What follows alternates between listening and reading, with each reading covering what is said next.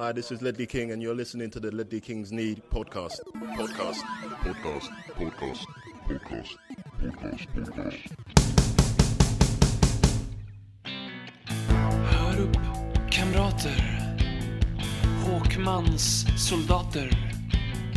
Käka liljevita oblater. Och drick dina kolhydrater. Konsekvent, inkonsekvent.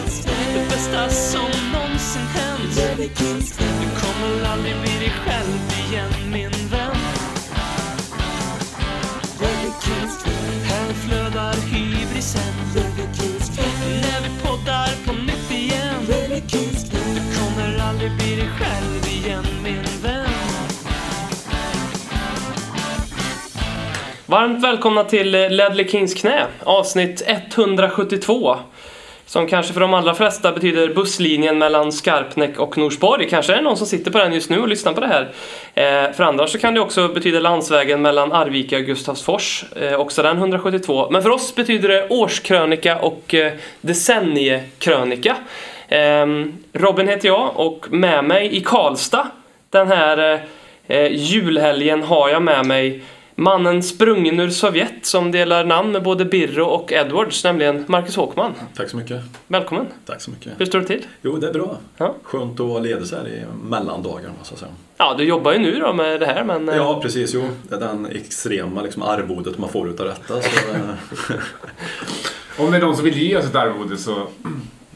Ni är välkomna. Hint, vi. hint. och som ni hörde här har jag också med mig sparven från Stockfallet som Mm. får Petra Meda att buga av vördnad. Per Frykebrant. Tack så mycket. Tack. Det, det är väldigt många som undrar vem som vann pingismatchen mellan er som precis utspelat sig innan vi började spela in här. Ja, om man ens kan liksom eh, prata i termer av vinnare i en sån match. Det- Vi har nog båda lika stora förlorare. det känns väl lite så. Ja. Ödmjukt. Ja. Ja. Eh, vi ska ju i den här podden ägna oss åt eh, 2019. Eh, de minnesvärda sakerna därifrån, men också givetvis decenniet eh, som vi stänger om några dagar här. Eh, men allra först skulle jag bara vilja ja, stanna vid att vi slog Brighton, vi vann en fotbollsmatch. Giovanni, Giovanni Lo Celso spelade bra fotboll och Arsenal kryssade och Chelsea förlorade. Vi kan väl snabbt vidröra det. Vad, vad, vad tänker ni? Hur känner ni? Nej, men alltså, det här avsnittet ska ju liksom hantera och avhandla det som har varit. Men med den här matchen så fick vi ju se lite mer av vad som kanske komma skall. I och med eh, Lo Celso som, som faktiskt för en gång skulle verkligen tog sin, eh, tog sin chans. Samma med Cesar John. Han eh, var i och för sig ganska, eh, ska man ändå säga att liksom, Brighton tog ganska väl om hand om honom. Liksom, eh, liksom, tog hand om hans, hans speed och det gick inte riktigt att få ut det mesta av honom. Men jag tycker, jag tycker vi fick se mycket av honom där. Så att, Eh, svinrolig fotbollsdag på det stora hela. Tottenham vinner på liksom, roligast möjliga sätt egentligen. Ehm, vi får se ett, ett eh, på nytt fött inom citationstecken Arsenal som, ehm, som firar 1-1 borta mot Bournemouth som att de hade vunnit VM. Ehm, och vi får se det gamla goda Chelsea igen som inte kan vinna fotbollsmatcher så länge det inte är mot oss. Nej, Nej, det är suveränt summerat. Väldigt liksom Arsenal. De har ju haft, det var deras boost för ett kryss borta mot Bournemouth. Liksom. Ja, det, det var deras så att säga, nya tränarboost. Ja, precis. Vad har de tagit nu? 24 poäng på... Är det 24? 25? Eh, som de har... t- eh, På 19 matcher? Ja, De har fem vinster bara. Är det så? Mm. Ja, det är, ju- ja. det är, det är sinnessjukt. Vi kan ju öppna det här avsnittet lite grann med Ja, vårt, vårt stående segment som är mm. Skratta åt Arsenal tycker jag. Ehm, vad, vad, har vi, vad har vi där då? Ja, alltså över det senaste året, eller här och nu senast. Ja, allt. Alltså det, det är ju som sagt att de har ersatt då Fredrik Ljungberg med en spansk Fredrik Ljungberg. det, det, det är exakt det de har gjort och har, får exakt samma resultat som med den svenska Fredrik Ljungberg. Bara att de jublar lite mer. Det hör man ju när de pratade också att, det säger att de, de, eh, de ursäktar ju det här också. Säger att men det var ett stort fall framåt med, spelmässigt. Så ja, ja, visst, ni fick fortfarande 1-1 borta mot Bournemouth och jubla som att ni vann någonting. Det är ju det är en helt sinnessjuk målfirande för att göra 1-1 och så är det ju mycket tid kvar också. Ja, det är en halvtimme kvar. De har ju firat så en gång tidigare mot Bournemouth. Men då gjorde de ju 3-3 eller 2-2 Ja. eller någonting Ja. i 92 93 och fick skit för det just för att det var mot Bournemouth. Och nu gör de det med en halvtimme kvar. Ja. Precis som att nu har vi räddat hem en poäng här. Ja, Det är ju helt sinnessjukt Ja. liksom. Och det var ju samma sak som mot när Aubameyang fick eh, häromsistens mot, mot Norwich. När han fick göra om eh, en- straff två gånger. Satte den till slut och hyschade publiken. Han fick 1-1. Ungefär som när Marcus Berg gjorde mål efter typ 7, 8, 9, 10 matcher när han stötte in en mål från mållinjen i en landskamp på Friends 4-0 mot något lag och så hyschade han publiken precis som att det ser ni. Vad var det jag sa? Ja, Men det här är ju- Aubameyang är ju lite Premier Leagues Marcus Berg, så sett. Det här går ju som en eh, röd tråd genom det här laget för eh, vi, vi skrattade ju åt det när Lacazette gjorde 1-1 eller till och med 1-2 mot oss va? När han ställde sig, eh, så som jag sitter Ja, nu, med, med armarna i kors Armarna i kors mot eh, ja. publiken. Ehm, Vid så, reducering alltså, nu pratar vi om. Ja, exakt. Det var inte ens en kvittering. nej precis, vid en Ja, reducering. Ja, det, Säger väl allt. Finns det någon mer, om, om vi lyfter upp den här frågan till eh, decenniet. Eh, vad har vi att skratta åt Arsenal? Vad är den största grejen vi skrattar åt Arsenal som har hänt det här decenniet? Nej, men det, det är liksom hur de har fallerat totalt. Alltså de har ju gått från att vara suveränerna i liksom eh, när vi gick in i, i, i det här eh, årtiondet lite grann. Eh, och nu är det ju inget snack om vilket som är det bästa laget av oss. Och de kommer inte... Alltså, det här, de, det här är den säsongen när de satsade stort. Och som ni sa, de har fem vinster på, på 19 matcher eller vad det är. Eh, så det, det, är- det är ljuvligt. och, ett, och, ett, och ett lag som när man tittar på laget, det är inte så mycket man skulle vilja ha där till någonting. Och även Nej. när vi gör en dålig, dålig 2019 om man säger så, en dålig höst framförallt. Liksom, så är det inte många från det laget man tänker, men han skulle vilja ha. Han vill jag ha. Nej. Nej, det är ingen jag vill ha. Därifrån faktiskt. Nej, men just också hur klubben styrs är väl det som går att skratta åt mest. Det är så underbart att se hur liksom, det inte styrs för fem öre. Det man, sty- det man, man styrs. satsar liksom 80 miljoner pund på, på en Niklas Pepe som ska ge dem Champions League och når de inte Champions League så kommer det liksom bita dem i röven. Det som händer är att han inte får spela och de kommer missa Champions League. Det är fantastiskt. De får väl heja på LA Rams. Som Exakt. också Kroenke också gör mer eller mindre mer Ja. än Arsenal. Så vi Ja. kanske gå över till den idrotten istället. Ja, men det, det passar ju de här supportrarna ganska bra tror jag. Ja, Jag tycker att det är väldigt bra eh, fog, för- eller ett bra ämne att skratta åt Arsenal är ju det här som har hänt kring eh, Özil och eh, där han twittrade väl någonting, jag är inte så bra insatt, men till stöd för muslimerna i Kina.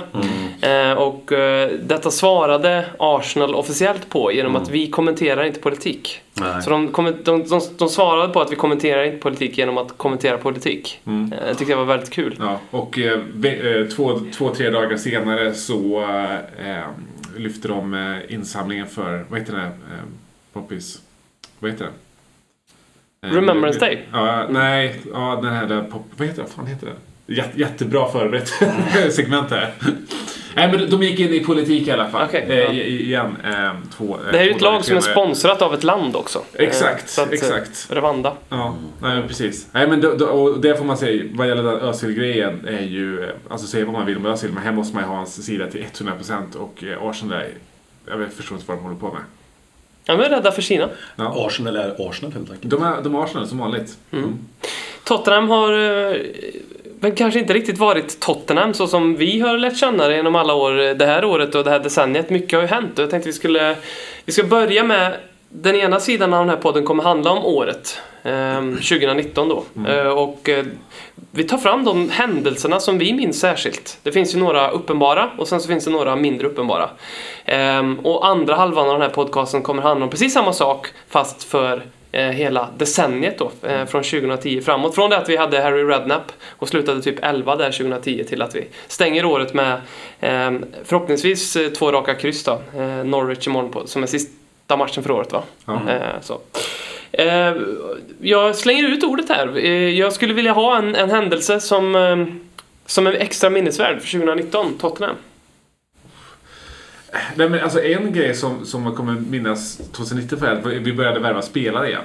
Eh, egentligen. Och eh, inte bara det att vi faktiskt värvade utan man, man, man, man liksom blev ju lite grann så här eh, som barn igen. Så om vi kommer ihåg den här sista dagarna av transferfönstret med eh, Dybala-sagan. Liksom. Och man har ju liksom glömt bort hur man liksom, eh, dras med i liksom en, den typen av liksom karuseller helt. Så man, man, det var ju som att man var tio år igen. Det var ju en timme på sommarens transferfönster. Jag kommer inte ihåg exakt vilken dag det Ja, var. men det, det var sista dagen när det liksom verkade som att... Eh, Som vi skulle värva typ Ja. allt och alla. För det var Orn- det var då Ornstein gick ut och sa att Dybala, det blir Mm, just av. det. Just det. Eh, och då, eh, jag tror det var, eller om det var dagen innan. Eh, men då höll, höll man ju på att skita ner sig. Liksom. Eh, och det, den, den känslan, även om den är liksom extremt naiv och den är extremt infantil. Eh, så är det någonting man har saknat med fotbollen. Att säga att, för fotboll, det är något som ska dra dig tillbaka till liksom, så tioårsstadiet. Liksom. Eh, och det, det var länge sedan man kände en sån, sån känsla som man gjorde då de dagarna faktiskt. Var vi nära att få Dybala då, tror du? Förmodligen inte. Förmodligen inte. Men det var ju länge sedan jag i alla fall hade sån eh, hype kring ett eventuellt nyförvärv Ja. som jag hade över Dybala liksom. Ville verkligen ha Dybala Ja. på alla sätt. Och jag trodde ju nästan lite på det en sväng. Ja, men det känns ju fullt rimligt. Alltså, till och med när Coutinho-ryktena kom, Ja. man tyckte i början tänkte jag nej, klart vi inte kan säga så. Nej, fan vi har värvat Lo Celso här. Vi, vi värvar en Dombele, Sessignon. Varför ska inte en Dybala komma in? Och Och det det, var lite säger väl en hel del också om vad, hur vi har förflyttats som klubb det senaste decenniet. Det var lite för många journalister med lite för oftast rätt. Men med trovärdighet som gick ut med Dybala också tyckte jag. Ja. Och det var väl väldigt mycket här uh, Hanses, vad säger jag, han har ju egna imageavtal. Ja, liksom. exakt. Han har- exakt. Närmaste vi kommer kanske är Joao Moutinho. Eh, han var ju kanske inte lika stor som Dybala. Nej. Men eh, när, jag minns när, när det skrevs om att vi skulle värva honom så var- var det precis som du sa Per, det där kommer aldrig hända. Sen så förstod man att det här är nära. Och i den, där handlar det om att vi var väl, vad var det, en halv minut med för sena med att skicka in papperna helt enkelt. Det var ju liksom en, en klar affär på alla sätt och vis. Vad fan har ju Moutinho den här hösten har du ju inte sagt nej till nästan tror jag. Nej, han hade gått rakt in i vårt lag. Ja. Och han hade ju kunnat spela för oss i 5-6 år på hög nivå. Just det, på innermittfältet som är, ja, det är som det är så att säga. Jag drömde ju faktiskt i natt att vi, eh, eller att vi, att Tottenham la upp en eh, announcement-video nu om att vi hade värvat till slutet Damiao. Faktiskt. Och jag tänkte så här, ja men han hade kanske inte gjort ett jobb nu. Ja. Ändå. Verkligen. Han spelar i Kina nu va? Ja. Ja, ja. Kul. Okej, så att eh, en, vi började värva spelare igen. Eh, en sak som du minns har varit Per. Har du någonting eh, Marcus? Alltså, det negativa då, så att säga, det är ju att Dembele försvann. Och det, Vi började sälja spelare igen. vi började sälja spelare igen och vi började sälja det som var, ja, och det var den som var ryggraden till allting. Liksom. Så det har jag som i minne. Sen har jag en annan som inte är riktigt Tottenham, men jag tror ska se ihop den till Tottenham ändå på något sätt. Det är en spelare som har spelat i Ajax och vi har ju broderskap till Ajax och allt det där. Det är ju när vi fick se den här bilden som visades upp. Wesley Snyders viktuppgång är lite utav årets händelse för mig också. Ja, ja, verkligen. Mm. Och då försöker jag liksom sy ihop det med en Tottenham med Ajax, han har kompisar med van der Waart, han har kompisar med Tobi Alderweireld och John Vertongen och alla de där. Så den är lite för mig. Men, och det, Det är den, också en sån almost-värvning. För det var Tancredo Palmeri som gick ut då för, det här måste ju varit sex år sedan nu va? Och sa att Snyder till Tottenham är, det, det är done. Det är klart. Då kände man också lite den här Dybala-känslan. Men det blev ju inte av. jag, jag tycker eh, Snyder-grejen är en väldigt bra grej att du tar upp. Därför att eh, jag, jag skulle vilja säga att Schneiders, eh, alla har väl sett den bilden, var inte det till och med på Tottenham Hotspur Stadium han var på besök och såg en match? Eller var det bara Eller, ja, kan det ha varit när vi mötte Ajax troligtvis då? möjligt? Och han hade gått upp så in i helvete av vikt. Alltså, ha, ha, det är som en Hazard kan slänga sig i väggen liksom. Det här var ju Tom Huddleston-nivå mer eller mindre. Eller hur? Ja. Och jag tycker det var- en bra metafor för vad som hänt med Tottenham. För en gång i tiden, bara för något år sedan, två kanske, så var vi ju en Wesley Snyder i, i toppform. Eh, och vi är ju mer eller mindre samma Wesley Snyder, men vi har lagt på oss lite tjockare liksom, hudlager och blivit lite fat and happy och spelar sämre fotboll. Så jag tycker Snyders viktuppgång korrelerar på ett lite intressant vis med eh, Tottenhams viktuppgång, eller vad man ska kalla det då. Också. Vilken brygga! Eller hur? Vi har precis som Tom Huddleston lagt på oss lite hull. Ja. Eh, Jag, ehm, jag skulle vilja prata lite om Troy Parrott, som för mig är lite grann av årets eh, händelse. Jag, ehm, han ehm, skrev ju faktiskt på ett nytt kontrakt med oss den 4 februari i år. Det var väl då någonstans man insåg att okej, här har klubben fattat att den här juvelen måste vi eh, hålla fast vid. Det var även på hans födelsedag, eh, 4 februari, när han fyllde 17 eh, år. Ehm, för mig har han varit... Eh, det, det är första gången på väldigt länge som vi har en ungdomsspelare som eh, möjligtvis Marcus Edwards nivå. Eh, fast den här håller jag lite högre eh, med hur spänd jag är på att se honom. Och vi har gjort en grej av det här och vi har en chattgrupp på WhatsApp som heter Parrots Pågar. Det är såklart vem som helst är, är, är inbjuden men det, det har varit... Inte vem som helst. Inte, inte vem som helst. Men Eh, man, eh, då, då, alla liksom, lyssnare, Tottenham-supportrar som hör av sig. Vi släpper in er, men eh, inte, inte, inte vem som helst. Inte, inte riktigt vem som helst. Robin Bylund försökte ta sig in, den Ja, ja, eh, LCHF-killen. Men eh, jag tycker historien med Troy Parrott är ganska kul. Jag kollade lite upp hur det kom sig att han hamnade i Tottenham. Och jag visste faktiskt inte detta, men då var det ju så att vi spelade i eh, Belgien en, eh, en, en träningsmatch för vårt ungdomslag. Eh, och i det laget så, så spelade givetvis då Maurizio Pochettino. Eh, jag vet inte vad som hände med honom nu när hans pappa har fått kicken, men troligtvis är han Ja, kvar. nej, han är kvar.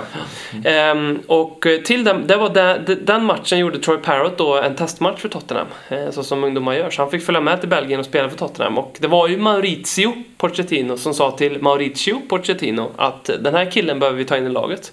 Eh, Troy Parrott. Ehm, det tycker jag är lite rolig historia. Sen så får man ju bygga på Troy Parrott eh, bilden lite grann med att han ju ganska tidigt i sin Tottenham-karriär också fick ett rött kort mot Arsenal. Eh, för att han dängde en eh, Arsenal-spelare på plan. Eh, vilket är otroligt förskönande. Och bara en sån sak gör att man, vill- man vill ha honom i laget. Ehm, och sen så tycker jag också att Parrott har när jag ser honom, när jag, det lilla jag sett av honom så, så får jag lite Berbatov-vibb. Jag tog ju Berbatov väldigt starkt i hjärtat men det finns den här nonchalansen som Berbatov hade när han spelade, självsäkerheten. Den ser jag i Troy Parrott och den, jag, jag har insett att jag gillar den typen av fotbollsspelare. Som har den auran. Eh, som är lite I don't give a fuck-aura. Jag tycker Troy Parrott har den. Nej men han är ju liksom vår, det känns som alla liksom Big Six-klubbar ska ha någon liksom stor anfallstalang just nu som man liksom höjer till skyarna och Troy Parrott är, är, ju, är ju vår där. Och, och det, är, det är bra att vi har skrivit det här kontraktet med honom för vi har ju det senaste året liksom slarvat bort flera anfallstalanger. Rio Griffith som gick till eh, Lyon väl. Eh, Bennett blev vi av med också. Eh, så, så vi får ju se här nu hur, liksom, hur gott det här kontraktet kan göra. När man är så ung så det är inte så långa kontrakt. Det här kontraktet är på två år var det väl. Ungefär. Eh, så vi måste ju fortfarande liksom verkligen eh, ta hand om honom genom den speltid han får. Nu har det snackats lite grann om eventuell liksom, eh, utlåning också. Eh, speciellt eftersom att vi eh, försöker knycka Eberechi Eze från eh, QPR som väl är den bästa spelaren i Championship så här långt. Och att eventuellt Troy Parrott kan gå i, åt andra hållet i- på ett lån. Ehm, han skulle behöva lite matcher för att liksom, visa upp sig. Men man är ju så jävla sugen på att se nu när man får se vad, liksom, vad Greenwood, Greenwood kan göra för United till exempel. Ehm, Och då är ändå Greenwood två år äldre va? Är inte han Ja, det 19? är exakt. Mm. Så att, eh, mm. Skulle man få se, skulle jag bli en utlånad på Parrot så är det en sån spelare som man skulle ja, sappa in kanalen för att titta på. Ja, så det är inte ofta jag gör det med utlåningar men det är definitivt en sån Ja. utlåning. Ja. Om det nu skulle vara en QPR-övning eller någonting då skulle man ju Ja, när möjlighet finns i alla fall, titta hur det går för honom. För jag är också jävligt spänd på honom. Man dras väl med lite grann i hypen också med honom. Och sen, han har ju varit med i det irländska landslaget ändå. Liksom. Ja. Vad det är, nu säger en så pass stor trupp, men någonting säger det i den unga åldern. Liksom. Så han har ju väldigt fysiskt utvecklad rätt tidigt. Och Men det, det, det är det som verkligen står ut med honom. Ja, Att- precis. Att han redan i, som 17-åring ser ut som Harry Kane. Ja, då får man ju hoppas att inte det, det Aspen har dragit allt för mycket nytta Nej. av i unga åldrar. För jag har inte sett en så mycket spelare om man ska vara helt ärlig. Alltså vissa som har den där jättefysiken i den unga åldern kan dra väldigt stora fördelar det på fotbollsplanen. Men han har ju andra kvaliteter också. Hoppas jag. Nu har inte jag sett den så mycket, ni kanske har sett den mer. Så att det inte det blir en när han, han, alla, alla andra växer i kapp så att säga. Att han då inte sticker ut på samma sätt. Ja, jag minns ju... ehm, Jag har minnesbilder från i somras. ehm, Som ett annat minne vi kan kliva över till men när vi vann Audi Cup. Ja, gud. Ehm, Och då Man kommer spelade verkligen ihåg vad man var den dagen. Det man gör det. när, man lyft, när vi lyfte pokalen. Ja. Ja, men då, och då spelade Troy Parrott en del. Eh, och jag minns framförallt mot Juventus. Jag, jag mm, kommer inte ihåg vem det var men ehm, det var ju någon av mittbackarna där som man liksom... Juventus var inte Audi Cup. Var det inte det? Nej. Okej, men då var det bara en träningsmatch som Ja. han spelade mot Juventus. Hur kan du minnas, eller hur kan du glömma bort Audi Cup-matcherna? Bland alla andra troféer så är det att glömma bort dem. Det är lätt att glömma bort. Men det, då minns jag hur Troy Parrott... Eh, gick in och smällde, som en anfallare ska göra.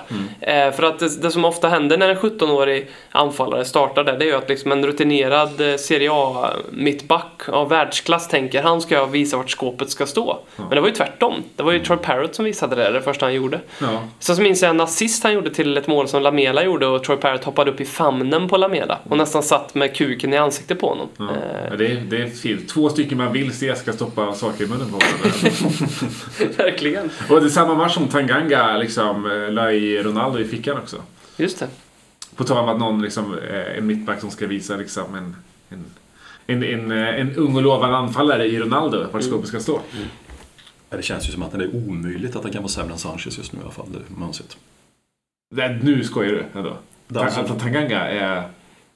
Men det är så roligt att se honom framför Sanchez. jag, jag förstår inte. Tycker du inte att Sanchez är, är, är bra just nu? Du tillhör det läget. För det finns ju två stycken olika Tottenham-läger. Du ser så, här, nästan så här härskarteknik. Såg du den? Hur? Såg den? Ja, men jag, ja, men jag liksom, jag, vis, jag, vis, jag liksom, man har ju sett de här liksom, tongångarna De här. på, på, på, på Twitter. Ja. Samtidigt, precis samma sak som man ser de här Alternativ för Sverige-kontona bubblar upp. Så ser man de här liksom, San- Sanchez, Sanchez. Sanchez-hatarna. Liksom. Och, Nu, nu, jag- sätter, du- nu sätter du ett etikett på ett hat här. Att jag förespråkar inte hans fotbollskvalitet betyder inte att det, det per definition blir ett hat. Ja, men här, här tycker jag kan bli en intressant grej, för vi, vi, kan göra ett litet, eh, vi kan göra en liten paus här i årskrönikan och så kan vi kasta upp Håkman och Per Frykebrant i varsin sida av ringen. Och så kan ni få Det blir ungefär framföra... samma sak som förra gången vi hade två olika ringar när det röstades. Då du liksom Ja, gick ut och sa att det var valfusk eller vad nästan så. Och då, Ja. då, kan, då kan ni få framföra era tankar om Sanchez. Eh, och så kan man som lyssnare få, få, få lyssna på det här och, och fundera på, är man Tim Håkman eller Tim Frykebrant? För ett, så, som, du, som du säger Per, så man är ju en av dem. Så är det ju. Mm. Varsågod Håkman. Okej, det var också börja. Nej men alltså framförallt den största liksom, nackdelen som jag ser med Sanchez det är att han är en fotbollsspelare som ser en boll och då per definition springer efter bollen. Lite grann som klassfotboll kan se ut som på, på planen. Man är tio barn som spelar fotboll och alla springer efter bollen.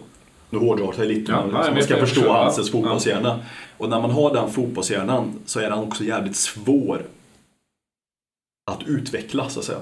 I den åldern han är. Jag har svårt att säga att han skulle bli en smart mittback. De fysiska egenskaperna har han. Snabbhet och kroppsfysiken liksom, fysiken har han till att liksom, duellspela bort spelare. Lite som Kalle Walker hade. Han kunde liksom vinna, han förlorade ingen duell nästan. Eh, Eller vann Bisaka i United, han förlorade ingen duell. Men de kan inte tänka fotboll. Och framförallt när han inte blir skyddad eller inte någon av mittbackarna blir skyddad på ett bra sätt som på ett bra innermittfält, då blir ju väldigt sårbara. Jag tycker även hans passningsspel har varit dåligt. Som jag har sett. Ja, hans passningsspel kan jag. Han är ingen, han är ingen quarterback som Alderweireld. Nej, precis. Och jag hade ju hoppats på att, att han bredvid Alderweireld hade funkat bättre än vad jag tycker att han gör. För det är en bättre spelare att spela bredvid med de två olika typerna som de är egentligen borde funka. Men jag skulle jättegärna se att vi testar någonting annat än Sanchez. Någon lite mer klokare mittback. Han har väldigt, fått väldigt många chanser. Och nu vet jag att du tycker tvärtom, att han är duktig. Eh, så tid och utrymme till att ge belackarna en, eh, en käftsmäll har han ju haft. Men den här belackaren har ju inte liksom hunnit vinna över den så att säga. Mm. Nej, alltså, dels vill jag säga det också att han är ju också 23 år. Alltså en mittback är väl i sin prime ja, men först, först om 4, 5, 6 år. Liksom. Eh, och, och, men jag, jag tycker det vi är inne på, just det skyddet han har haft. Han har inte haft något skydd. Dels har vi inte haft någon sköld framför i liksom någon, någon defensiv mittfältare som har kunnat liksom, eh, stå upp och ta emot liksom, första vågen. Sen så har han inte heller haft en högerback bredvid sig. Han har haft Orier bredvid sig som är liksom 60 meter upp i banan. Eh, så att han, han kommer ju oftast i de här situationerna där han tvingas göra liksom, klassfotbollsjagningarna av bollen. Och där är det ju svårt att ha någon bättre ehm, eh, Alltså att ha någon som passar bättre för det än en extremt atletisk och fysisk Sanchez. Som det inte är många anfallare som, som springer ifrån. Eh, lite likt van Dijk om jag får dra den jämförelsen. Eh, han, han, han har ju då, det såg vi gång på gång i matchen igår mot Brighton, att det var många liksom en mot en situationer, där, inte en mot en där liksom det kommer i friläge utan det är liksom eh, anfallaren jagar bollen med, med, med Sanchez bredvid sig. Och det är ju Sanchez som vinner de striderna nio gånger av tio ändå. Eh, så jag, utifrån de liksom, eh, attributen som, som, man, som man har där och med tanke på att hans jobb blir att fånga upp de här bollarna och eh, vågorna som, som kommer i brist på sköldar, både från liksom defensiv mittfältare och från högerback, så tycker jag att han gör den fyller den, eh, den positionen och den funktionen eh, jäkligt bra. Eh, sen så som du säger, han är kanske inte liksom en, en, en fullt utvecklad fotbollshjärna ännu, men som sagt, han är 23 år som mittback. Eh, det är inte många mittbackar i den åldern som man skulle liksom vilja plocka in istället. Eh, tar vi en, en Delish till exempel, som han blev ju fullständigt liksom eh, exponerad när han fick gå till Serie A och möta vanligt motstånd. Lite som Sanchez. Lite, fast Sa- Sanchez har ju inte alls visat upp sig. Alltså, Sanchez är ju en nivå över Delicht. Så som vi ser på det om vi kollar fotboll idag. Så som vi ser på det. Så som vi ser på det, så som du och jag har enats kring. Per, per pratar över Team Sanchez nu. Ja, ja. Ja, det här är intressant. Vi får väl se eh, ifall det här kan bli någon debatt av detta på, Men jag på vill Twitter. bara fylla i där. Jag håller med dig med högerbacken. Spelar man bredvid en Aurier så är det ju inte fördel för någon människa på denna jordklot. Även om du sätter världens bästa mittback där, vem det nu är i en subjektiv värld. Så San, Aurier, Sanchez, de två ihop. Vart hamnar du då någon form i snitt i, i fotbolls-IQ liksom? Det är ju inte högt upp vi kommer. Nej. Nej. Nej. Det är ju det är ju fullständigt haveri att ha Aurier fy. Det, det andra fältet då, där tror jag alla har en, där vi alla team off på Aurier, vad antar jag. Eh, ja, alltså här och nu har vi inte så mycket annat egentligen. Alltså med det spelsystemet vi har så kan vi Vem som helst. Alltså jag menar allvar alltså. Du kan sätta vem, nej, inte vem som helst, men du måste ju kunna hitta någonting som är bättre än Aurier där uppe. Inte där uppe. Inte där uppe, Nej, i- nej. nej. Nej men på högerbacken. Ska, jag klarar spela, se spela en rak fyra, fyrbackslinje, då är det Ja, klart jo. att vi ska ha en Foyt inne, 100%. någon- Ja, ja jag ser, nej du vet fan, alltså, ja, det, det är han Men vem vill du ha istället? Det är han som är alternativ. Nej, jag är medveten om Foyt också. Nej, jag tycker det ser väldigt illa ut på högerbacken liksom. Det funkar ju heller Nej, det funkar ju inte heller. Harry Kane på tal- om fotbollshjärna där också lite Ja. grann så. Det är också, men det är också en sån där, du vet, springa efter bollen-typ. Vi har alldeles för många springa efter bollen-typ. Cissoko är ju det. Tycker du att Foyt har en dålig fotbollshjärna? Han har en bra fo- passningsfot däremot. Ja, ja. ja, det har han. Nej, men jag, ja. Vi fick en bra tweet till oss igår att Harry Kane har varit säsongens bästa högerback. ja ligger, faktiskt. ligger någonting i det. Igår vann. Ja. Mm. Och eh, Lucas var ju, eh, spelar ju vänsterback mot, eh, eller LWB som det heter, mot, Mm. mot Chelsea i andra halvlek. På tal om fotbollshjärna. Ja. Ja, intressant att följa efterspelet på den här Team Sanchez versus Team Anti-Sanchez-debatten. Mm. Eh, jag är Team Sanchez, skulle jag bara säga. Jag tycker att... Eh, Jag vann den debatten alltså. Jag vann den med. Robin. Ja, jag. Tycker Jag skojar. eh, han... Jag, jag stör mig lite på att jag, tycker att folk ser eh, felpassningarna han gör och när han sjabblar med en boll och liksom hänger ut honom för mycket för det. För jag tycker att han i närkampsspel eh, och, och har, dessutom har en bra teknik, eh, men även om han sl- slår bort en del bollar. Eh, närkampsspel tycker jag han är jättebra och jätteviktig mittback med vår, den speeden han har. Men är det inte ofta så när man, är, när man får liksom en hang-up på någon på ett negativt sätt? Att man liksom ser allt det Mm. Negativa betydligt Mm, mer än man absolut. kanske ser det andra. Om man ska försöka liksom, se lite objektivt. Men är det din, för alla har ju liksom en hatspelare, alltid. Nej, det är Aurier. Det var det. Ja, 100 procent. Mm. Han, han, väx, han växer ju väldigt mycket på mig. Fy fan alltså. det sägs ju också, han gjorde väl en balja, vilka var han gjorde målen mot? Han har gjort ett par Ja, baljor. men det nyligen mål. När det, sägs, ja, när det sägs att han gav ett budskap till publiken. Han Ja, just det. Det sägs att han spottar. Ja. Ja, om han nu gjorde det eller inte vet ju inte Nej, jag. nej. Det är inte fastställt heller. Men Han, sa, han sa sen att han inte gjorde det. Efter jo, det, kan, Ja. det känns ju Ja, rimligt ja. att han sa så. Hoppas. Nej, men, och det kanske han inte gjorde. Det kanske sägs att han gjorde det bara för att det är Aurier, för att många är emot honom också. Men möjligt är. Men han är väl den, min, ja, som jag helst vill ha ut på alla sätt. Inte bara för att han inte uppfyller de kvaliteterna jag vill ha i en högerback. Utan även som jag upplever honom som alltså, allmänt Mm, mm. mänskligt. Liksom. Mm. Allt från det jag gjorde i PSG och så vidare.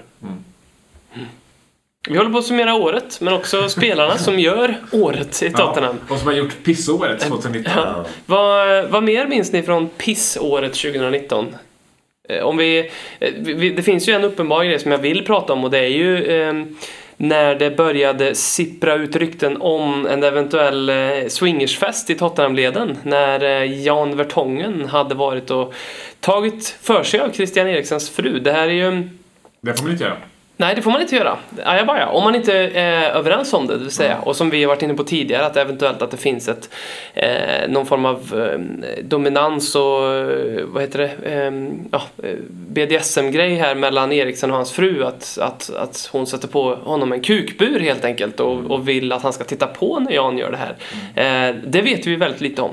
Eh, men ehm, hur som helst, det här började som ett rykte på Facebook och jag kan tänka mig att om man är den personen som sprider det här ryktet då måste man ju, då, måste man ju liksom känna... Det måste vara väldigt roligt just nu. Ja, väldigt roligt och man måste ju känna en väldigt speciell känsla varje gång man postar någonting. För som jag har förstått detta så var det ju ett fan, en brittisk supporter som bara skrev av sig i ett fo- Facebook-forum, ett Tottenham-forum, att uh, Vertongen is shagging Eriksens wife. Och det tog då sådana enorma proportioner att uh, Eriksen och Vertongen båda gick ut och dementerade det här ryktet. Och att Eriksen nu blir hånad med ramsor runt omkring. Det är inte där borta när de äng, Ja. dammade Jo. upp i Irland va, till exempel. Ja, just det. Ja. Mm. Det, tycker jag, det här tycker jag är en av årets händelser. Ja, det var väldigt fint. Vi fick vår egen liksom eh, John Terry och Wayne Bridge-saga till slut. Just det. Så Vertongen är väl vår John Terry då? Ja, Mm. fy fan. Ja. Mourinho. Eh, Pochettino. Eh, såklart en av de mest eh, händelserika mm, Eh, incidenterna, eller vad ska man säga, skeendena av det här året att Pochettino fick sparken där i november och Poche- eh, Mourinho presenterades som ny tränare på morgonen därefter. Det var ett nattsvart dygn för många. För några har det här lagt sig lite och det finns ju, eh, som jag tycker våran poddkollega Jocke Wallin väldigt träffsäkert beskrev att eh, en gång i tiden fanns det de som, som skrek att eh, Pochettino måste ut ur klubben. Eh, och då var det några som svarade upp på det. Nej, fan vi måste backa vår manager. Vi måste stå upp för vår manager. Och nu har det där bordet vänt på sig. Så nu de som skrek för Pochettinos huvud, de står nu och skriker vi måste backa vår manager Mourinho. Medan de andra som stod och ville ha kvar Pochettino står och skriker så här, vad fan gör den här karln i vår klubb egentligen? Lite intressant hur det kan, kan, kan eh, opinionen kan svänga i en klubb så på, på sånt sätt då. Eh, jag vet ju att likt den här grejen vi nyss diskuterade om Team Sanchez och Team Anti-Sanchez så har vi ju i rummet en Team Mourinho och en Team Anti-Mourinho. Ehm, team Anti-Mourinho är ju Marcus Håkman. Känns som att jag är team anti vad som helst just nu. Men du vet, det finns ju vissa i eh, Tottenham-leden, Twitter och liknande som helt har slutat kolla på Tottenham. Nej, självklart inte. Eh, och det, det facket ska vi inte lägga in det i. Nej, verkligen inte. Det, det tycker jag faktiskt är helt sjukt, måste jag säga. Ja. Men, alltså, då, vad, vad, varför tittar de innan då? Innan Pochettino? Var det en persondyrkan? Det köper jag inte alls liksom. Är inte det konstigt? Ja, det, är, Det, det är jättekonstigt. Det, det, jag, jag, jag har Det är sett klart det. man kan bli besviken för stunden, men det är ju Tottenham är ju fortfarande Tottenham oavsett vem han som tränar Tottenham. Sen har man ju starkare känslor för vissa årgångar av Tottenham för att vissa spelare talar till en mer, så är det ju naturligtvis. Och tränaren kanske också talar mer till en. Men vad fan, man slutar ju inte kolla på Tottenham för den sakens skull. Nej, och det är väl så att just den här årgången av liksom, Tottenham som vi har haft, det är väl den som folk har tagit sig till hjärtat allra mest, definitivt det senaste decenniet, men förmodligen också ja, de senaste 30 åren Ja. kanske. Eh, så, det- och, och då blir väl liksom, det blir, det blir en lite större grej när vi byter ut liksom Ramos till exempel. Eh, såklart. Eh, men eh, jag, jag kan inte förstå för fem öre varför man, varför man väljer att göra en sån sak. Eh, Och helt sluta följa Tottenham på grund av att man inte gillar Mourinho. Då behöver man inte komma tillbaka sen. Eller? Nej, det behöver man verkligen- Alltså på verkligen riktigt, då inte kan man stanna där och göra det man gör istället. Då, Vad det är nu. Mm. Ja, verkligen, verkligen. Eh, nej, men sen är det klart att så här, även om jag liksom tillhör pro-Mourinho-teamet så hade jag hade hellre sett att liksom, vi hade gått bra, fortsatt gå bra under Pochettino. Pochettino är ju liksom, det är ju ens liksom, vad ska man säga, halvbror på något sätt, känns det som. Eh, och det är ju inte Mourinho. Alls. Det är ju den lite läskiga styvpappan. Det är ju verkligen det. Ja. Men eh, jag tycker att Niva, som gästade podden här för ett tag sedan, ehm, efter många år av tjat, han, gjorde ju, han var ju med Ledder Kings knä 2013, Erik Niva, sen så har han tjatat på oss och så fick han till slut sin vilja igenom. Och Hittar kom- vi en lucka så hittade vi en lucka åt honom.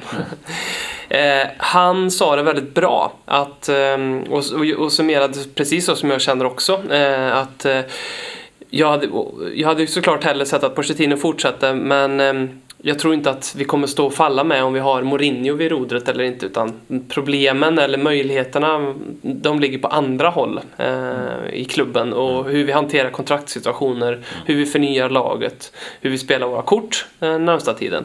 Eh, Och där verkar ju Mourinho ändå haft en liksom eh, lite eh, vad ska man säga, lite påverkan ändå. Jag menar, vi har ju ändå börjat lära oss att skriva nya kontrakt under Mourinho igen. Eh, så Mm. det är i alla fall ett steg åt, eh, åt rätt håll då som han kan hjälpa oss att styra skutan. mm. Alltså en klubb behöver ju alltid få lite förändringar tror jag också. När spelare in, spelare ut. Och det- egentligen börjar vi ju någon sån här negativa trender när vi var som bäst och inte gjorde liksom naturliga rotationer i laget. Tror jag också spelar in. Nej men verkligen, för det här, det, det är allt det som vi, som, som vi ser nu, eller lider av nu, det här 2019, det, det är ju förra sommaren. Att vi Ja. inte gjorde värvningar. Att Ja, ja. Vi, vi skulle ju då, för nu, nu, nu har vi ett läge där liksom, ja men Liverpool är suveräner och det, kommer, det hade de varit oavsett vad vi hade gjort. Även om vi hade varit på topp så hade vi inte kunnat rå på Liverpool just nu. Eh, men deras liksom treårscykel kommer mot ett slut.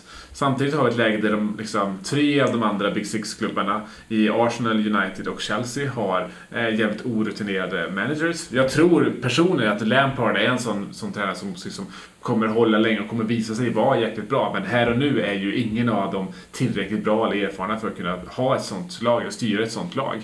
Eh, och hade vi då bara förberett vår liksom, nästa cykel lite mer så hade vi varit ganska givna arvstagare till, efter, efter Liverpool. Eftersom att förmodligen City också kommer att behöva liksom, ehm, ehm, möblera om lite i stugan.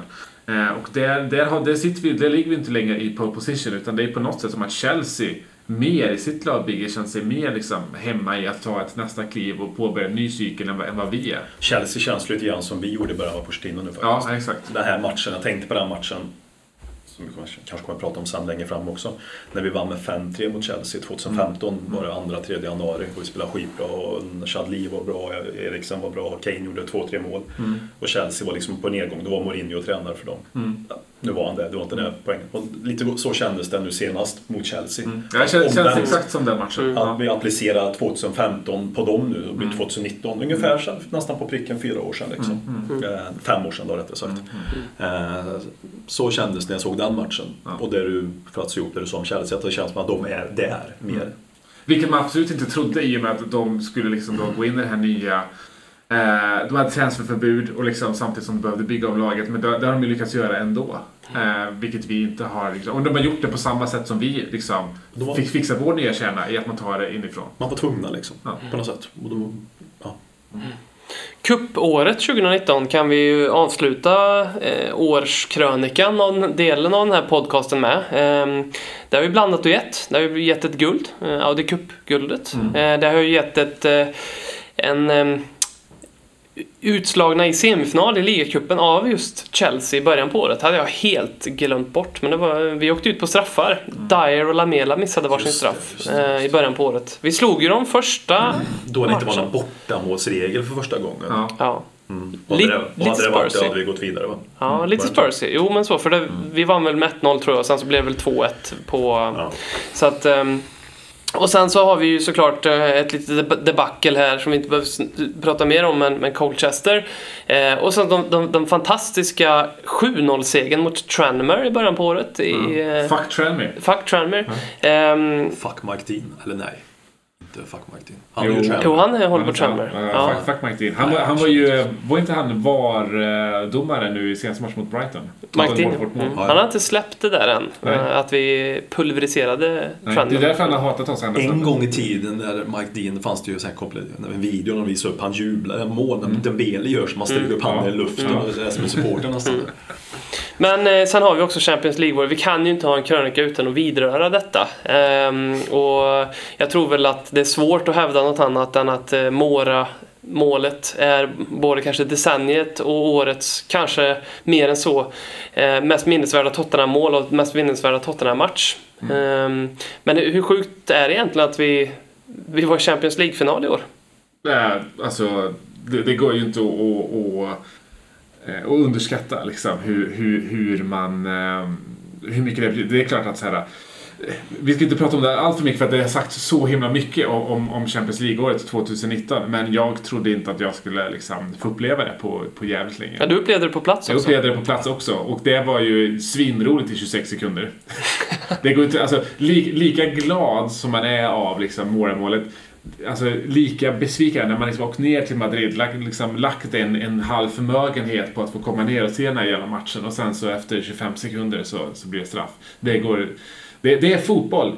Det är verkligen fotboll. Eh, man kastas mellan högt och lågt. Eh, och, nej men det, alltså det, den semifinalen, det, den resan som vi gjorde. För det, det är inte bara den matchen, det är ju liksom att hur vi var helt uträknade efter tre, fyra matcher. Eh, att vi gör efter att inte ha gjort några värvningar.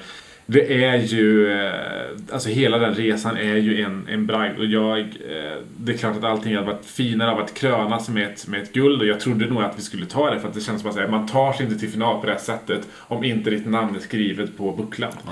Eh, men resan i sig känns som att vi fick en titel. Alltså det, det, det är ett minne som, som man kommer ha med sig hela Tottenham-livet.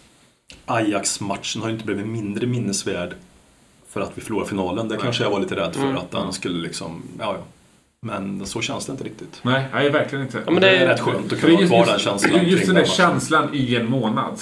Från liksom målet fram till finalen. Den känslan. Världens längsta och godaste karamell nästan. Ja men verkligen. Alltså för varje dag, varje morgon när jag vaknade upp så tänkte jag på Lucas Moura. Och tänkte på att vi ska spela Champions League-final. Och det är samma sak som eh, liksom, tänk, om Sverige skulle spela VM-final. Mm. Då är det egentligen ganska oviktigt huruvida vi kommer vinna den VM-finalen. För det är känslan inför att så här, vakna upp och veta att Sverige ska spela VM-final. Sverige ska spela VM-final. Det är ju liksom...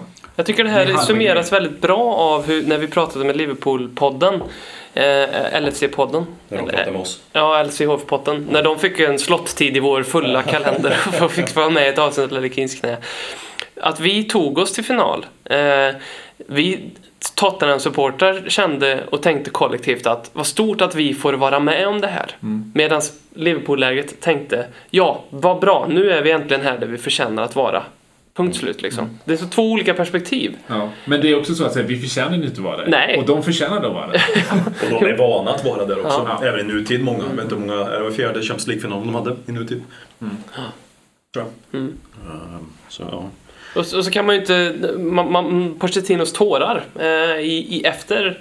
Eh, vi var ju många som grät då. Pochettino gjorde det också. I, mar- I intervjun efteråt. Det var så, att det var så stort för hans familj och hans fans och allting. Det var brast för honom. Det är också en av de största minnena jag har av det här året. Man trodde ju där, när det blev så väldigt ännu starkare band mellan Pochettino och supportrarna. Och så trodde man att det skulle stärka sig och att vi skulle verkligen gå vidare med Pochettino så vi inte fastnade där. Jag trodde ju också att det här är ett tydligt tecken på att nu kommer vi ta ny fart framöver. När man såg scenerna, mellan supportrarna och eh, spelarna och tränaren och allting det där.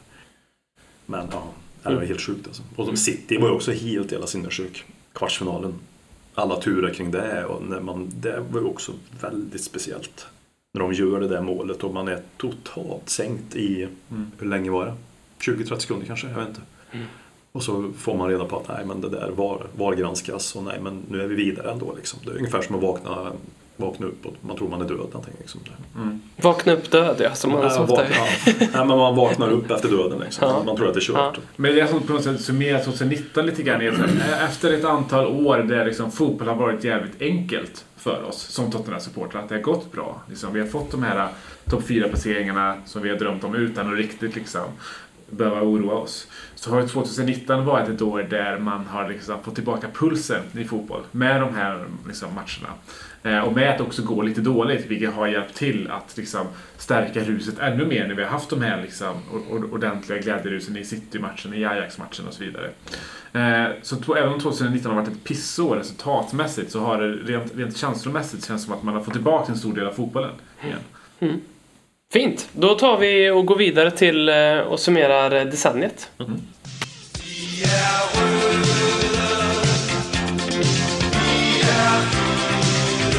Hej, mitt namn är Christian Eriksen. Jag är 7,5 halvfjerds år gammal och jag spelar offensiv mittfältare i Tottenham Hotspur. Jag kan också spela central innermitt och höja offensiv och ibland också vänster offensiv mittfältare. Jag befinner mig nettopp i höjdpunkten av min karriär och jag är ledig nu efter en ny utmaning.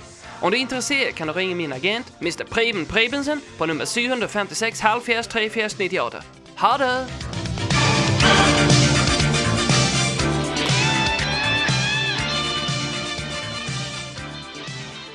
Du lyssnar på Ledley Kings knä.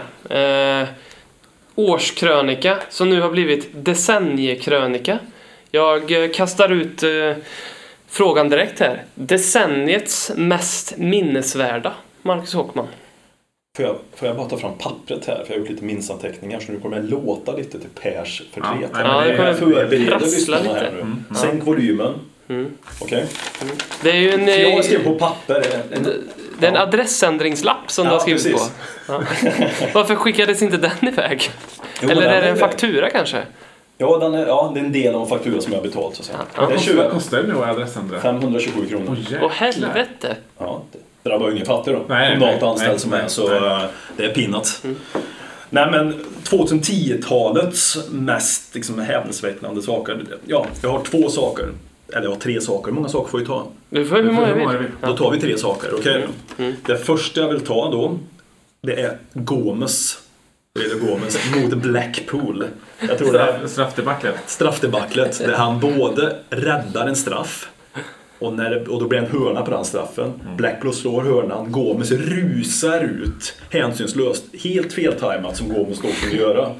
Och kapar ytterligare en ny spelare i Blackpool. De får en till straff och den gör de mål på. Men det symboliserar liksom Gomes på något sätt. Han kunde vara briljant ena sekunden för att nästa sekund göra någonting som är helt jävla hjärndött. Liksom. Eh, Den andra saken i den här trilogin, det är eh, Muampa. Hjärtstilleståndet i, eh, när man satt och tittade mot Bolton i FA Cup kvartsfinalen för mig det var. Jag kommer inte exakt året det var, men det var under 2010-talet. Det var liksom fruktansvärt att se. Eh, och Hur hela arenan tystnades till och spelarna gick runt och eh, var, de, de grinade helt öppet.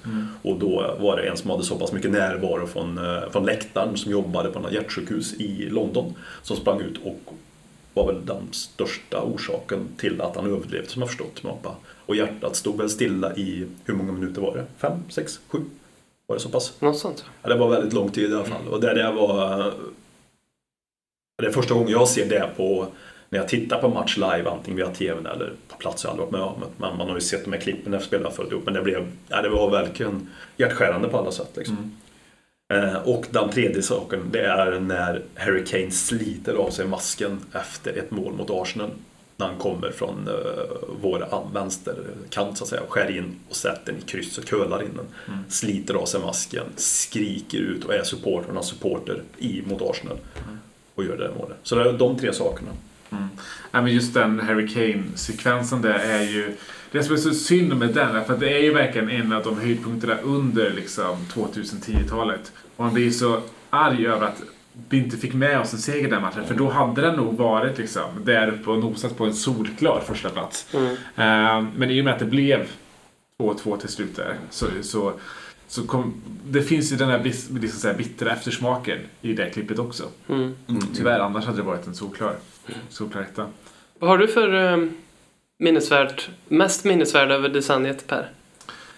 Nej, men jag får väl säga Tom Huddestons måltorka. Att vägra liksom. Jag vet att vi ska gå in lite på frisyrer och så.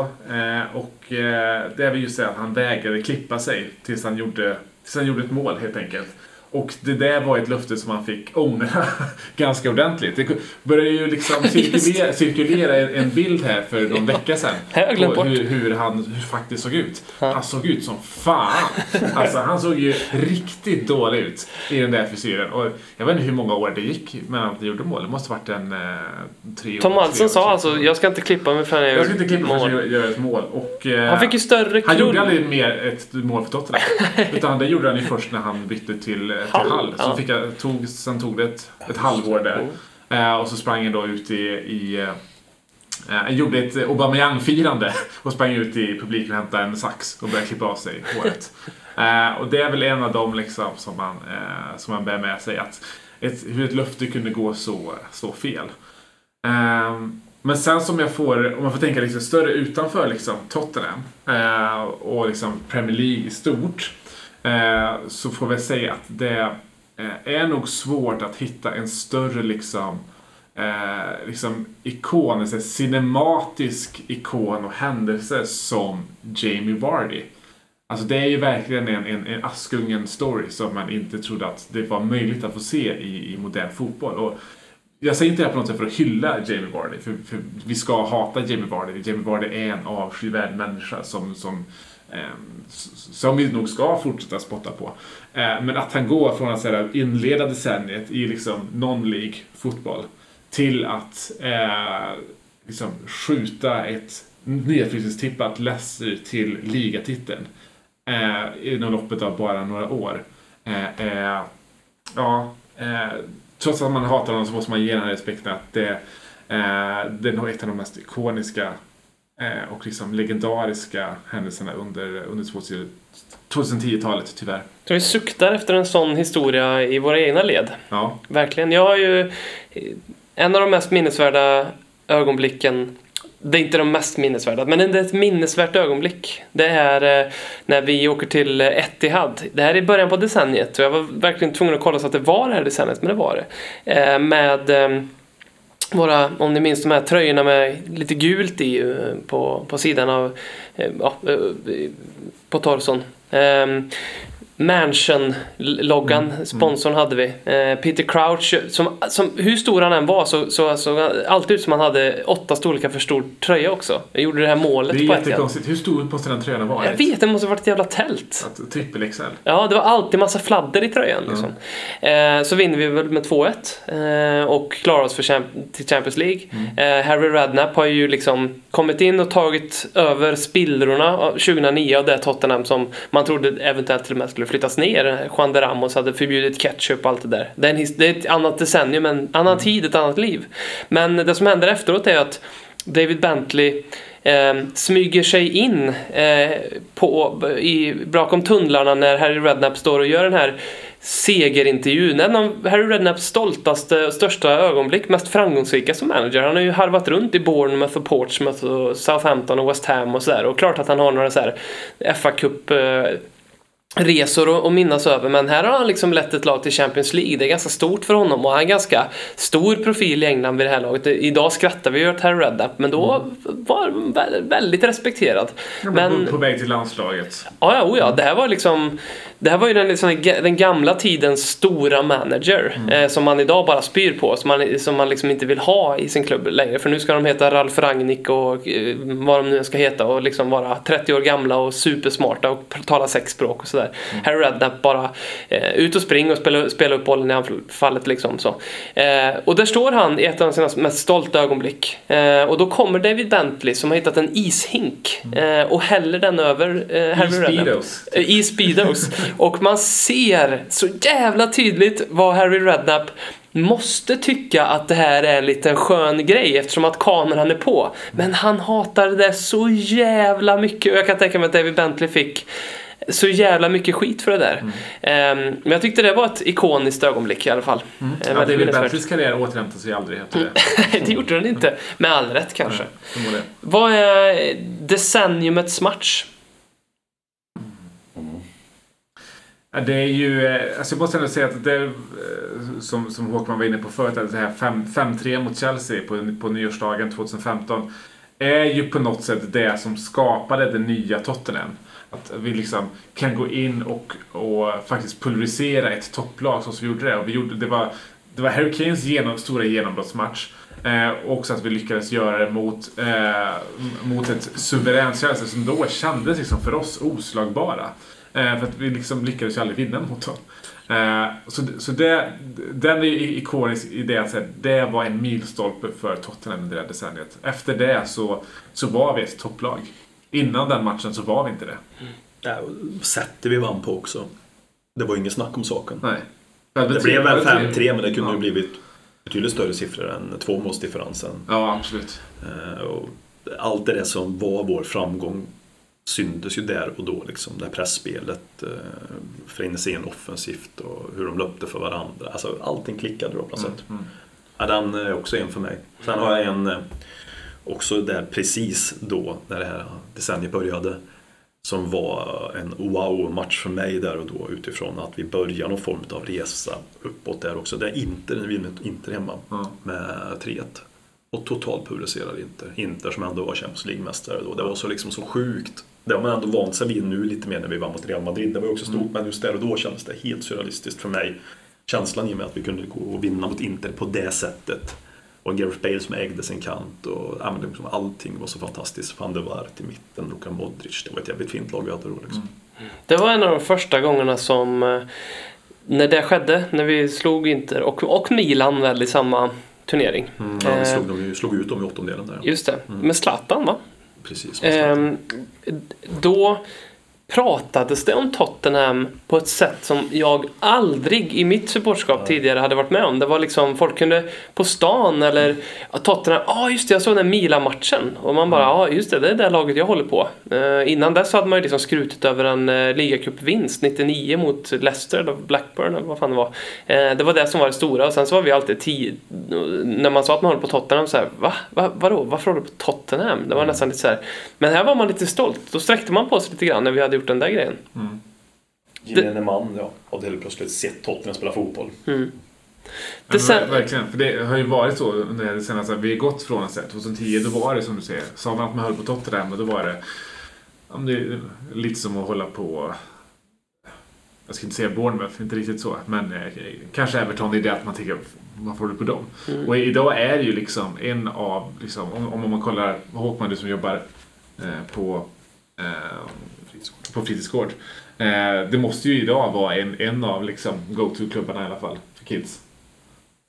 Nej, tyvärr inte. Inte? Men, men, men folk vet Mer, mer, än, mer, än, mer än för tio år sedan. Ja, framförallt folk har ju koll på Tottenham nu Ja. på ett annat sätt än de hade eh, 10 år sedan, 15 år sedan.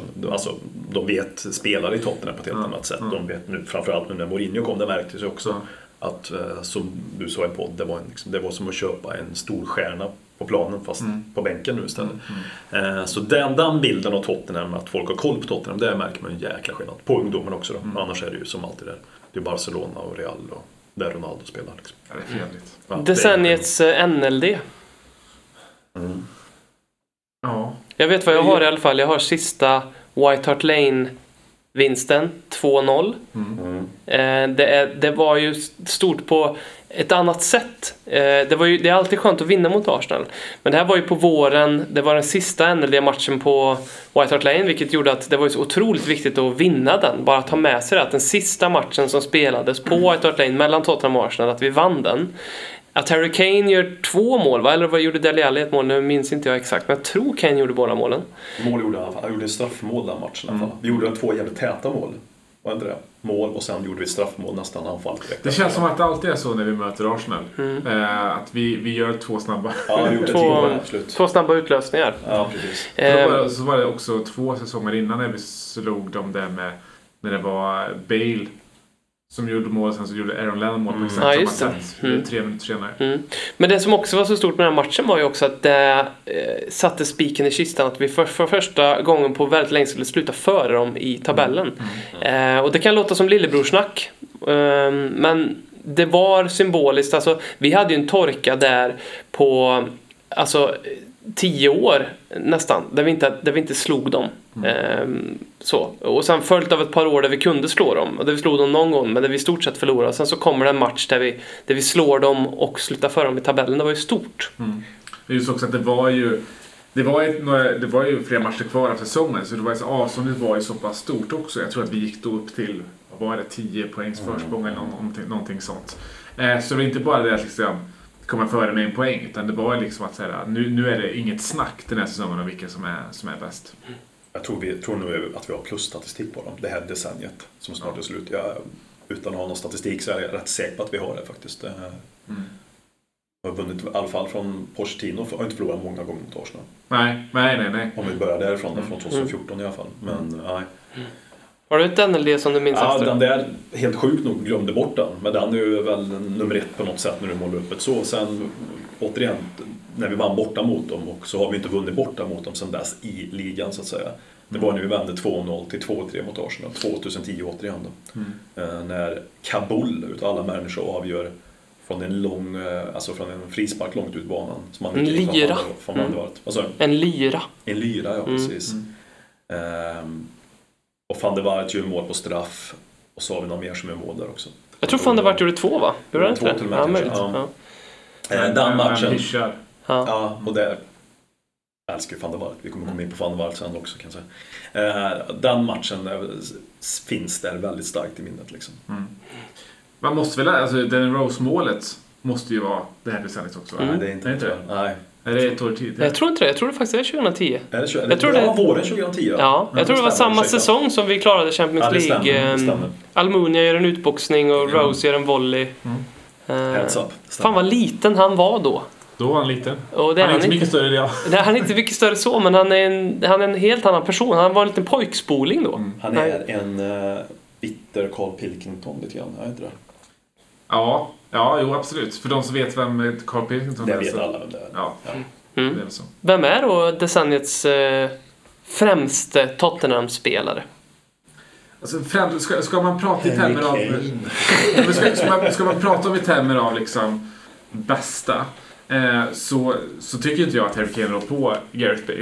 Eh, för att Gareth Bale, alltså, du, alltså, han, han, han hade verkligen laget på sina axlar. Han gjorde de här... Vi, vi var piss under den perioden och han såg till att vi nästan tog oss till Champions League. Han gjorde de här extremt sjuka målen på liksom stopptid varje match kändes det som. Eh, så i termer av det så tror jag det är svårt för Harry Kane att liksom, eh, mäta sig med Bale. Även om Harry Kane alltså by far är, är den största liksom, ikonen för, för 2010-talet. För vi har ju fått fram en spelare från de medelleden som, som kommer vara liksom, den mesta målgöraren i vår, i vår, eh, i vår historia. Eh, men han har ju inte kanske riktigt det där Eh, I alla fall just nu, han hade väl under, under, under, under något år eh, det, den här liksom X-faktorn som, som, som Bale hade i att så här, kunna göra, springa igenom ett helt lag och bara fixa tre poäng. Mm. Nej men så var det ju. Men det, jag, jag tänkte på det här med, med Bale att AVB då, då han som bäst när AVB var Mm. tränare, så byggde det väl väldigt mycket på att Bale skulle vara allt. Mm. Lite som en Zlatan under Hamrén, att Zlatan skulle vara allt i landslaget. Mm. Eh, och då syntes han mer där. Bale var ju, han syns ju mer Bale än vad Mm. Harry Kane gör på det sättet. För Mm. han har en sån tydligare spetsegenskap. Ja. Med, med de mer fantastiska målen och med farten och allting sådär. Jag tycker faktiskt Harry Kane är en bättre fotbollsspelare generellt sett än Mm. vad Ja, men det, Bale, det, Bale, har- Bale har det större, tycker jag också, ja. större mer, kanske har mer tior ja. än vad, om man ska skala mellan 1 och 10 så har. Bale mer 10 än vad Harry Kane har. Men Harry Kane har betydligt mer 7 och 8 Mm. än vad Gareth Bale har. Mm. Mm. Eh, men den spelen som jag tycker det är ju så, liksom, det är så lätt att säga Harry Kane. Han har, alltså man älskar Harry Kane för allt det där. Men spelaren som jag tycker har st- störst påverkan på Tottenham under det här decenniet det är Moussa Dembele. Mm. Ja. Tycker jag. Alltså det är, och speciellt nu när man kan se med facit i hand så tycker jag att den teorin stärks. Och han var på nedåtgång. Jag säger inte att det var fel att sälja när vi sålde. Vi kanske skulle ha kvar en halvår ut kan jag tycka visserligen. Hans, hans tid i Tottenham gick mot sitt slut. Absolut. Men under hans tid så har vi ju fortfarande haft ungefär samma fotbollsspelare. Även fortfarande nu, även om vi har köpt in några, så är det ju inte någon större skillnad på vår trupp. Och det är ju inte bara den orsaken, men jag tror att han band ihop saker jävligt bra. Från mittfält till, eh, från backlinje till anfall. Hur han transporterar boll och hur han dikterar tempot i matcherna. Och Det gick inte att ta bollen. Jag skulle vilja gå alltså, han är ju definitivt liksom decenniets, kanske, kanske inte bland Tottenham-supportrar, men, men generellt så är han absolut decenniets mest underskattade spelare. För han har, han har ju, eh, det är ju liksom sinnessjukt hur han har liksom hållit vårt mittfält så länge med ett så dåligt lag. Och det ser man ju nu framförallt. Titta på alla andra. Det var en sån spelare som gjorde alla andra bättre. Och han fick saker att klicka. Han gjorde att vi blev det här laget. Absolut. Lite som Leicester nu. Titta på laget Leicester. Det är ju inte så att det är fantastiska fotbollsspelare överallt, alltså enskilt så. Utan de gör ju sig fantastiska i laget. Lite som Liverpool fast på en annan nivå. Ja. Som Henderson och Milner och alla de här. Eh, Så gjorde den Bela, han gjorde, kolla på Erik Dyer liksom, till exempel. Kolla på Wanyama det är skador där. Men Dyer kommer ju aldrig bli Dyer igen. Nej. På det sättet som Dyer var med Dembele. Nej, precis. Nej, men ska, ska man, det beror på liksom hur man ska tolka liksom den, eh, vem är den främsta spelaren. Ja. Tol- Tolkar man som den bästa, liksom, men liksom högst, högst nivå, ja, men då, då är det liksom, då är det Bale. Men, men den, tänker man den viktigaste, Ja, men då är det Dembele. Under hela 10-talet. Jag tycker Harry Kane, jag tycker man kan säga något annat, men jag förstår verkligen era nomineringar till Bale och Dembele, men eh, jag har svårt, en spelare som har haft den utvecklingen, egen produkt och som dessutom har vunnit skytteligan och gjort så mycket mål och, och har gjort sådana mål och inte bara mycket mål. Eh, Så. Men vem har varit sämst?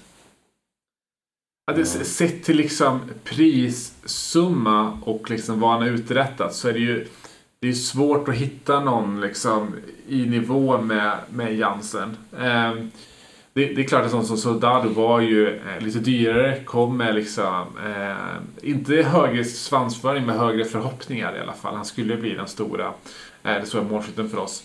Eh, så, men, men, jag tyckte att så här, Soldado hade ändå någonting i övrigt. Precis, mm. precis på, samma, på samma sätt som Kane kan liksom, när han har liksom en liten dålig spel, att han kan liksom komma lite längre ner i banan och sköta, sköta passningsspelet. Så tycker jag att eh, Soldado hade den typen av liksom, egenskaper också. Um, men jag får, nog, jag får nog säga Jansen, för också han så tydligt också saknade eh, liksom, saknade det mentala för att spela på absoluta toppnivån också. Ja, det är sämsta spelaren jag sett i Tottenham. Ja. det, det, är inget snack. Det, det, det fanns ingenting från sekund ett. Det första han gjorde var att han blev inbytt i, Everton, äh, mot Everton ja. och hade i princip öppet mål och mm. bara passade bollen rakt på Stekelenburg. Det var mm. det första. Mm. Och då tänkte man att ah, men han var där i alla fall. Det här är en anfallare som är på rätt ställe. Ja, men det är så man resonerade i ett år. Ja. Han, han, han, var i alla fall där. Ja. Men så otroligt dålig. Han spenderade ju mer tid med att försöka tackla spelare för att han blev av med bollen i första kontakten. Och inte ens det kan han göra ordentligt. Nej, och jag tycker inte synd om honom. Jag är bara förbannad på honom. Nej, men i början tyckte man synd om för att man hade ju... Med Soldado så där tyckte man ju synd om honom. han ja, var, han gillade mig väldigt mycket. Han var ju liksom en, en, en ikon och han, han tyckte ju verkligen om Tottenham och det märker man ju än idag. Liksom. Han känns liksom älskvärd som person också ja, på ett annat sätt mm, än exakt, vad Jansen exakt. gjorde. Och Jansen, man tyckte lite så först för då var jag såhär, ja men det här är nya Soldado, då ska vi liksom visa samma typ av kärlek. Men, men han var ju han var ju ett rövhål, liksom även utanför planen. Och det, han, han vill ju inte liksom, eh, han vill ju inte spela fotboll. Men är inte det här en, var inte det här en Pochettino-värvning rakt av? För han var väl och titta på honom också, vill jag minnas, mm. när eh, Holland mötte Irland i mm. Dublin. Mm. Mm. Lite underkant för Pochettino där. Ja, det nu var en Pochettino-värv, det var så jag minns Men det var väl det också som liksom sen eh, gjorde att vi inte vågade värva spelare som inte skulle gå rakt in i startelvan. Nej, eh, och vilket var därför som liksom Pochettino bland annat då förra sommaren liksom vägrade ta emot de här liksom Juri Thielemans och liksom med liksom liknande som, som, det ryktades kring.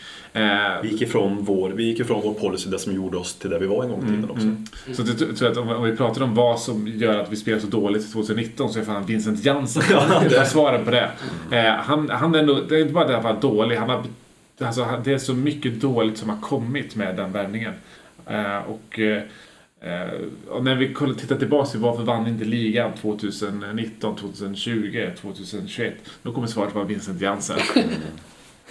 Benjamin Stambouli och Steven Pienaar är två bubblare på den här listan tycker jag. Ja men verkligen. Men det, det är ju alltså, verkligen sånt som inte liksom men var inte det två bara truppspelare som jo, var truppspelare? Jo, så det är, lite, det är lite hårt och... Så var, var inte Pena gratis? Eller fick vi pröjsa lite för honom? Nej, men vi köpte honom och sen sålde vi tillbaka honom för mer pengar. Ja, men det har vi gjort Det var ju fantastiskt Keen, bra Roy, Roy ja, Keane var väl ja. också en sån där. Mm. Sålde för mycket pengar ett halvår senare. Det var ett mm. annat decennium kanske. Eller ja, skit och mm. Så fick vi tillbaka 10-15 miljoner pund billigare. Mm. När vi ändå pratar eh, spelare så eh, den här podden började ju någonstans sin resa 2013 och en av de sakerna vi var väldigt besatta av då eh, var ju frisyrer. Vi hade ju väldigt mycket att välja och vraka på den tiden. Vilket är decenniets frisyr? För mig är det då Tom Huddleston. Mm. Och den vidriga frisyren han då tvingades till till slut efter sitt ödesdigra löfte. Sen kommer jag ihåg också när när, eh, vad heter han nu igen? Jedlin. Jedlin, precis. Kom till, eh, kom till Tottenham och, och, och, skaffade då en, en, en frisyr som skulle matcha vår bortatröja. Eh, med lite eh, eh, gulfärgat på sidorna och liknande. NBA-frisyr? Eh, verkligen en NBA-frisyr. Mm. Vad har jag på den här listan? Ja. Mm. Ja, Mig själv. Du, du, du, har ju skaffat en frisyr under det här decenniet. Precis, som Dyer, precis som Dyer. Ja, Dyer, det är också... Vad har han för frisyr nu? Jag har inte tänkt på det. Ja, men nu Nej, har bara frisyr. Icke-frisyr. Ja, Han har väl bara hår. Ja. Ja, ja, nu har han bara hår, exakt. Ja. Men han har väl alltid haft bara hår. Och han har väl alltid haft mycket hår Ja, men han gjorde, har han, ju gjorde, potential. han gjorde ett försök till att ha en frisyr. Ja, Och det ja. var ju då det började gå åt helvete. Ja. Ja, men ja, det är sant. Men sen har du ju det här med folk som, han har ju alltid haft hår och han har ju alltid konsekvent skit i att ha en frisyr. Men så finns det ju de som kanske inte hade haft hår om de inte hade haft så mycket pengar och kunnat fyllt i vissa hål. Men de behandlar fortfarande precis som att jag har alltid haft hår. Och det är ju Eriksen. Han kommer ju alltid tillbaka varje sommar med lite tjockare hår. Är det inte så? Och det är lite, det är inte... Han kör en Wayne med en Rooney. rak linje. Ja, Wayne Rooney ja. Mm. Precis. Men han gör ju ingenting med det. Och om det nu är så viktigt att ha hår för Eriksen Ja. och det köper jag. Då borde han kanske göra någonting med det också. Mm. Om man ändå fyller i det här som kostar pengar, som inte är hans värde är mycket pengar. Nej, men för Wayne Rooney har ändå gjort någonting med håret, får man väl ändå säga. Ja, men, så, jag säger inte att det behöver vara bra, men du Nej. försöker i alla fall. Ja, exakt. Mm. Försöker Eriksen. Nej. Nej. Tycker han fyller i på fel ställen också. Det kanske han gör också. Men det är bara liksom att såhär, hålla liksom, Linjen i eh, i pannan. Men det är ju liksom här bak där Ja, men då vet jag, fylla på. då vet jag att han har mest ångest för också. Han suttit framför spegeln. Då är det ju linjen där. Han har nog ingen spegel. Alltså, ifall, ifall det är det han rättar till år efter år Nej. och inte där bak. Det är hans fru som säger hur han ska, hur han ska ha det. Ja. Kanske. När, Det eh, här BDSM-förhållanden har Nej. han ingenting att säga till om. när Vertongen eh, är där ovanpå och Christian Eriksson sticker in huvudet genom dörren och kollar på sovrummet så då, då muttrar bara Erikssons fru. Linjen Christian, linjen, linjen. Och Vertongen låter ingenting när han. Vilken är decenniets bråk? Vi har ju haft en del. Eh, en som jag kommer tänka på eh, direkt är ju den här bussappen som, eh, som Andres Townsend hade på planen då efter en match mot Villa 2015. Vi hade vunnit med 3-1. Eh, och han bråkade då med vår fysio Nathan Gard- Gardiner. Eh, och eh, blev i slutet på hans liksom, Tottenham-karriär, det bråket helt enkelt. Eh, och... ehm, eh, ja. Pochettino var ju väldigt mycket så. Det fanns ingen pardon. Nej. Gjorde man en sån grej, då åkte man ut. Det Ja. visste vi ju direkt då. För då hade ju Kabul och Adebayor och Capo fått smaka på, på Pochettinos vrede. Mm. Eh, Som försvann sen, men ehm, den, ja, definitivt. Och jag vet inte riktigt vad det var de bråkade om. Jag tror att det var liksom Nathan Gardner ville att han skulle liksom varva ner på ett visst sätt. Eller varva ner, han hade ju inte spelat. men vi, vi, äh, göra no någonting och äh, nej, men ändå liksom knuffa bort honom gång efter annan och skrek lite okvädesord efter honom. Äh, och eh, nej, som sagt, det blev liksom en, en akademispelares slut i Tottenham. På ett jävligt styggt sätt. Det fanns ju också ett bråk som påståtts ha, ha skett. Det här är väldigt, det är kusligt likt eh, Vertongen och Eriksen-incidenten. Fast det handlar inte om penetration.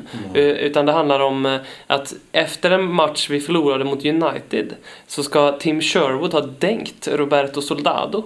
Ehm, det var Det kan man dock se framför sig. Ja, Den idioten. Verkligen. Decenniets idiot, Tim Decenniets idiot. Eh, och det som är så likt är för att det började spridas på social media. Vi var ju väldigt snabba med att snappa på det. Eh, jag kommer inte ihåg vad vi tyckte om det då, men eh, jag kan tänka mig att vi... Vi, hade ju, vi har ju alltid haft en hatkärlek till Tim Sherwood, så lite gillade vi det, men samtidigt så hatade vi det för vi har alltid gillat Soldado. Men Soldado fick ju gå ut och dementera det här, precis som Eriksson har gjort. Och sen har, gjorde Aaron Lennon det som Vertongen har gjort med den här Eriksson Vertongen-såpan. Han gick ut och bara skrev “This is bullshit”. Eh, och jag tycker när det händer, då tycker jag att, då, då tolkar jag det som “Okej, det hände”. alltså lite, det är liksom, ja. Ja. Lite synd att han går sig på Soldado i sådana fall kan jag tycka. Det här jag missat. fanns ju bättre spelare att ge sig på. Ja, precis. Ja. Det känns som att ge sig på the good guy lite för mycket va? Eller? Även om man inte gjorde rätt saker. Mm. Nästan vem som helst förutom Soldado utan att ha hela laget i huvudet nu från den tiden skulle ju förtjäna käftsmäll mer än Soldado. Mm. Ja, gud ja. Gud ja. Sen har vi en märklig sak med det här eh, decenniet. ehm, och det är ju um, nya arenan. Som um, stod färdig först i år. Så den här delen kanske egentligen var med i årskrönikan. Men det känns som att vi har i större delen av decenniet i alla fall levt med nya arenan fast vi bara har spelat på den en halv säsong ungefär. Um, och en väldigt märklig grej kopplat till det är ju ostrummet. Uh, att vi um, på, på en förhandsvisning av arenan uh, skröt om att här ska vi ha ett stort ostrum. Uh, och vi blev väldigt hånade för det här. Det var många journalister som var där på den här visningen som skrev om det här att Tottenham kommer att ha ett, ett rum där man kommer att servera exklusiva ostar.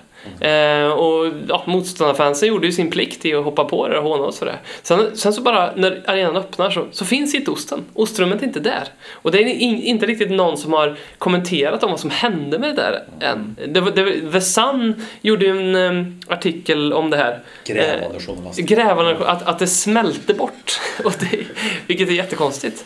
Ehm, ja, Nej, men det är ett stort frågetecken vad som hände med det där eh, ostrummet. Och det, det är konstigt från första början att få den eh, idén. Det var ju lite för, lite för eh, exklusivt.